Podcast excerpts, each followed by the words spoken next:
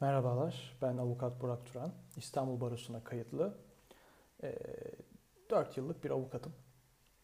Yani staj süresini aslında saymazsak 3 yılda diyebiliriz. Bugünkü konumuz da baroların bölünmesi üzerine olacak. Bu sıkıcı konuşma için bana e, katlanabilecekseniz eğer teşekkür ediyorum. Katlanamayacaksanız da teşekkür ediyorum ama yapacağımız konuşma emin olun avukatlardan çok e, halkımızı ilgilendiriyor. Öncelikle şöyle başlayalım. Ben bu konuşmayı hazırlarken aslında siyasete çok fazla dokundurmak istemedim. Ee, ama bu mümkün olmadı. Çünkü bugün baroların bölünmesi fikrinin hukuki olarak hiçbir anlamı yok, hiçbir avantajı yok. Buna zaten ileride biraz değineceğiz. O yüzden e, bir avukat olarak bu siyasi girişime, siyasi bölme teşebbüsünün üstünde durmamız gerekiyor. Çünkü bugün e, tarafsız kalmak bizim harcımız olmamalı. Hatta bunu yani bu siyasi görüntüye avukatlar olarak hepimizin farklı ideolojilere sahip olduğunu zaten hepiniz biliyorsunuz. Fakat bizler avukat cübbemizi giydiğimiz anda bir hukuki durum karşısında evrensel hukuk normlarıyla bağlı olan insanlarız. Ve bu konu karşısında da tek bir yumruk ve tek bir irade olarak tepkimizi gösteriyoruz. Tabii Ankara'da baro başkanlarının önünün kesilmesi ve uygulanan Türkiye'nin prestiji açısından felaket olan durum hakkında da zaten konuşmalar yapacağız. Ama dediğim gibi yavaş yavaş gidelim. Yani dediğim gibi galiba biraz siyasi dokundurma yapacağım.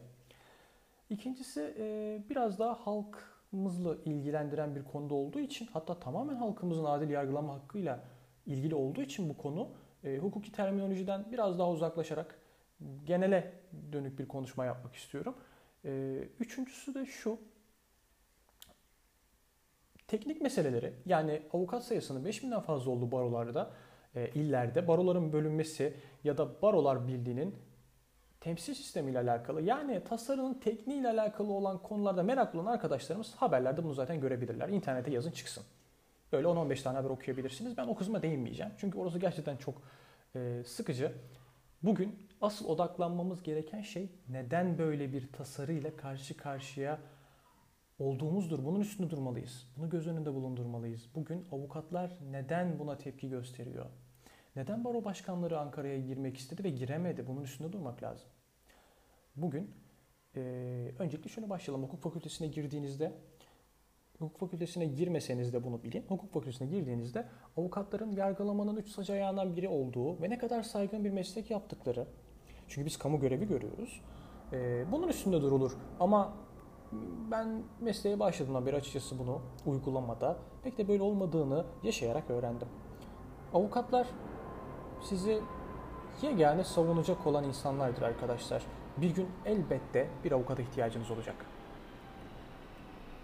Avukatlar sizi karakolda savunacak, suç ceza e, hakiminin karşısında savcı tarafından tutuklu olarak tutukluluk talebi karşısında sizi savunacak, savcı karşısında da olacak bu savunacak. Yani avukatlar sizi bu sistem içerisinde savunacak yegane şey, yegane unsur. O yüzden aslında bu konu, bu konu adil yargılanmayla alakalı bir konu. Peki barolar bölünürse ne olacak? Çok kaba taslak söyleyeyim AKP'nin barosu, CHP'nin barosu, HDP'nin barosu, MHP'nin barosu bu şekilde barolar olacak ve insanlar, vatandaşlarımız istedikleri kararı alabilmek için belirli oluşumların, partilerin, e, yapıların barosuna gitmek zorunda kalacak. Zaten baroların bölünmesi çok çok eski bir FETÖ projesidir. Bugün iktidar da kendi tahakküm altına girmeyen, baş eğmeyen baroları baş eğdirmek için aslında kendi tahakküm altına alabileceği bir teklifle geliyor. Çünkü bu siyasi bir davranış. Bunun hukuka hiçbir katkısı olmayacak. Kimse HSK bölünmesinden bahsetmiyor. Ya o da rekabeti arttırır. Değil mi? O zaman böyle düşünmemiz lazım ama olur mu? Hayır. HSK'da bölünmemeli, barolarda bölünmemeli. Burada birçok farklı görüşten olan avukat temel insan hakları ve evrensel hukuk normları çerçevesinde hareket ederek mesleklerini meslek etiği çerçevesinde meslek etiğiyle yapmak zorunda. Peki ne oldu mesela Ankara'da? Ankara'daki olay üstünde neden bu kadar çok durmalıyız? Neden bunu asla unutmamalıyız? Çünkü biz burada saatlerce konuşsak siyasi iktidarın fikirleri, yapmak istedikleri, yaptıkları konusunda böyle saatlerce konuşsak bu eylem kadar güzel anlatamazdık arkadaşlar. Çünkü bu yapılan eylemin hukuki olarak hiçbir ama hiçbir dayanağı yok. Devletler anayasaları üstüne inşa edilir. Anayasa devletin omurgasıdır. Ve toplantı ve yürüyüş hakkı da anayasal bir haktır. Fakat bu bu hak es geçildi o gün.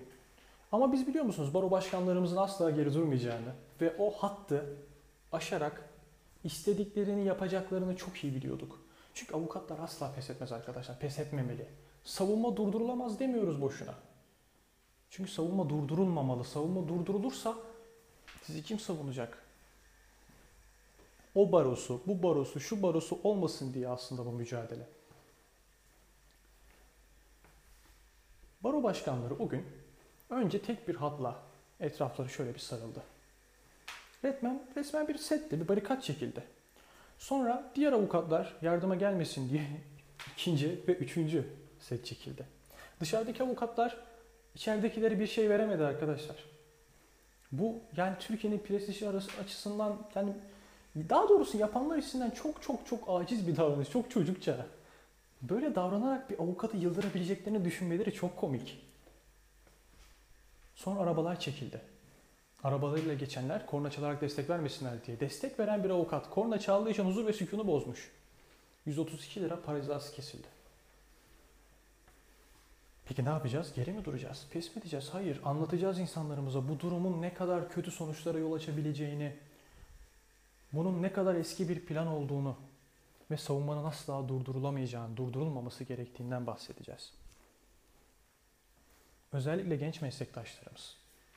Bu konuda bundan 10 yıl, 20 yıl, 30 yıl belki göremeyeceğiniz 100 yıl sonrası için bu aslında bizim şu an yapmak zorunda olduğumuz bir davranış, bir borç. O yüzden elimizden geleni yapıyoruz. O gün baro başkanları yumruklandı. Cübbeleri yırtıldı, gözlükleri kırıldı. Bugün bir avukata bunları yapanlar size neler yapmaz? Aslında o gün sahnelenenler bizim karakollarda olsun, savcılıklarda olsun, mahkemelerde olsun, hatta kalemlerde, icralarda olsun yaşadıklarımızın bir yansıması gibiydi. Biz tabii ki mücadele etmeye devam edeceğiz. Tabii ki anlatmaya devam edeceğiz. Adalet Bakanı daha geçenlerde bir açıklama yapmıştı. E, tasarı hakkında şu an net bir şey yok. E ne oldu? İki gün sonra bir anda tasarı tekrar ortaya sürüldü ve şu an muhalefet partileriyle görüşmeler başladı. Halkımızı da bilinçlendirmeliyiz. Bu onları çok yakından ilgilendiren bir konu.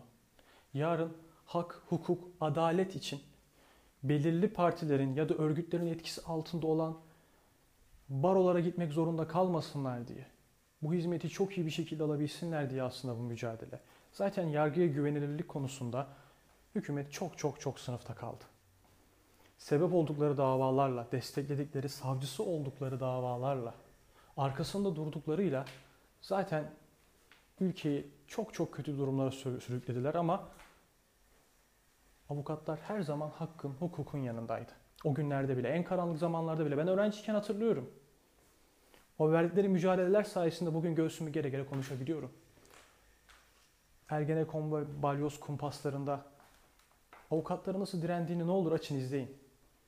Özellikle genç meslektaşlarımız. Avukatlık nosyonunu, hukuk nosyonunu iyi görmek istiyorsanız o mücadeleyi görmek için mutlaka izleyin. Bunlar gerçekten çok önemli şeyler. Biraz sıkıcı konuşmuş olabilirim. Ama kayıtlara geçsin. Bu mücadeleyi bugün vermeyeceksek hiçbir anlamı yok. Ben bana katıldığınız için çok teşekkür ediyorum. Umarım yine böyle bir konuşma yapmak zorunda kalmam. Herkese iyi akşamlar.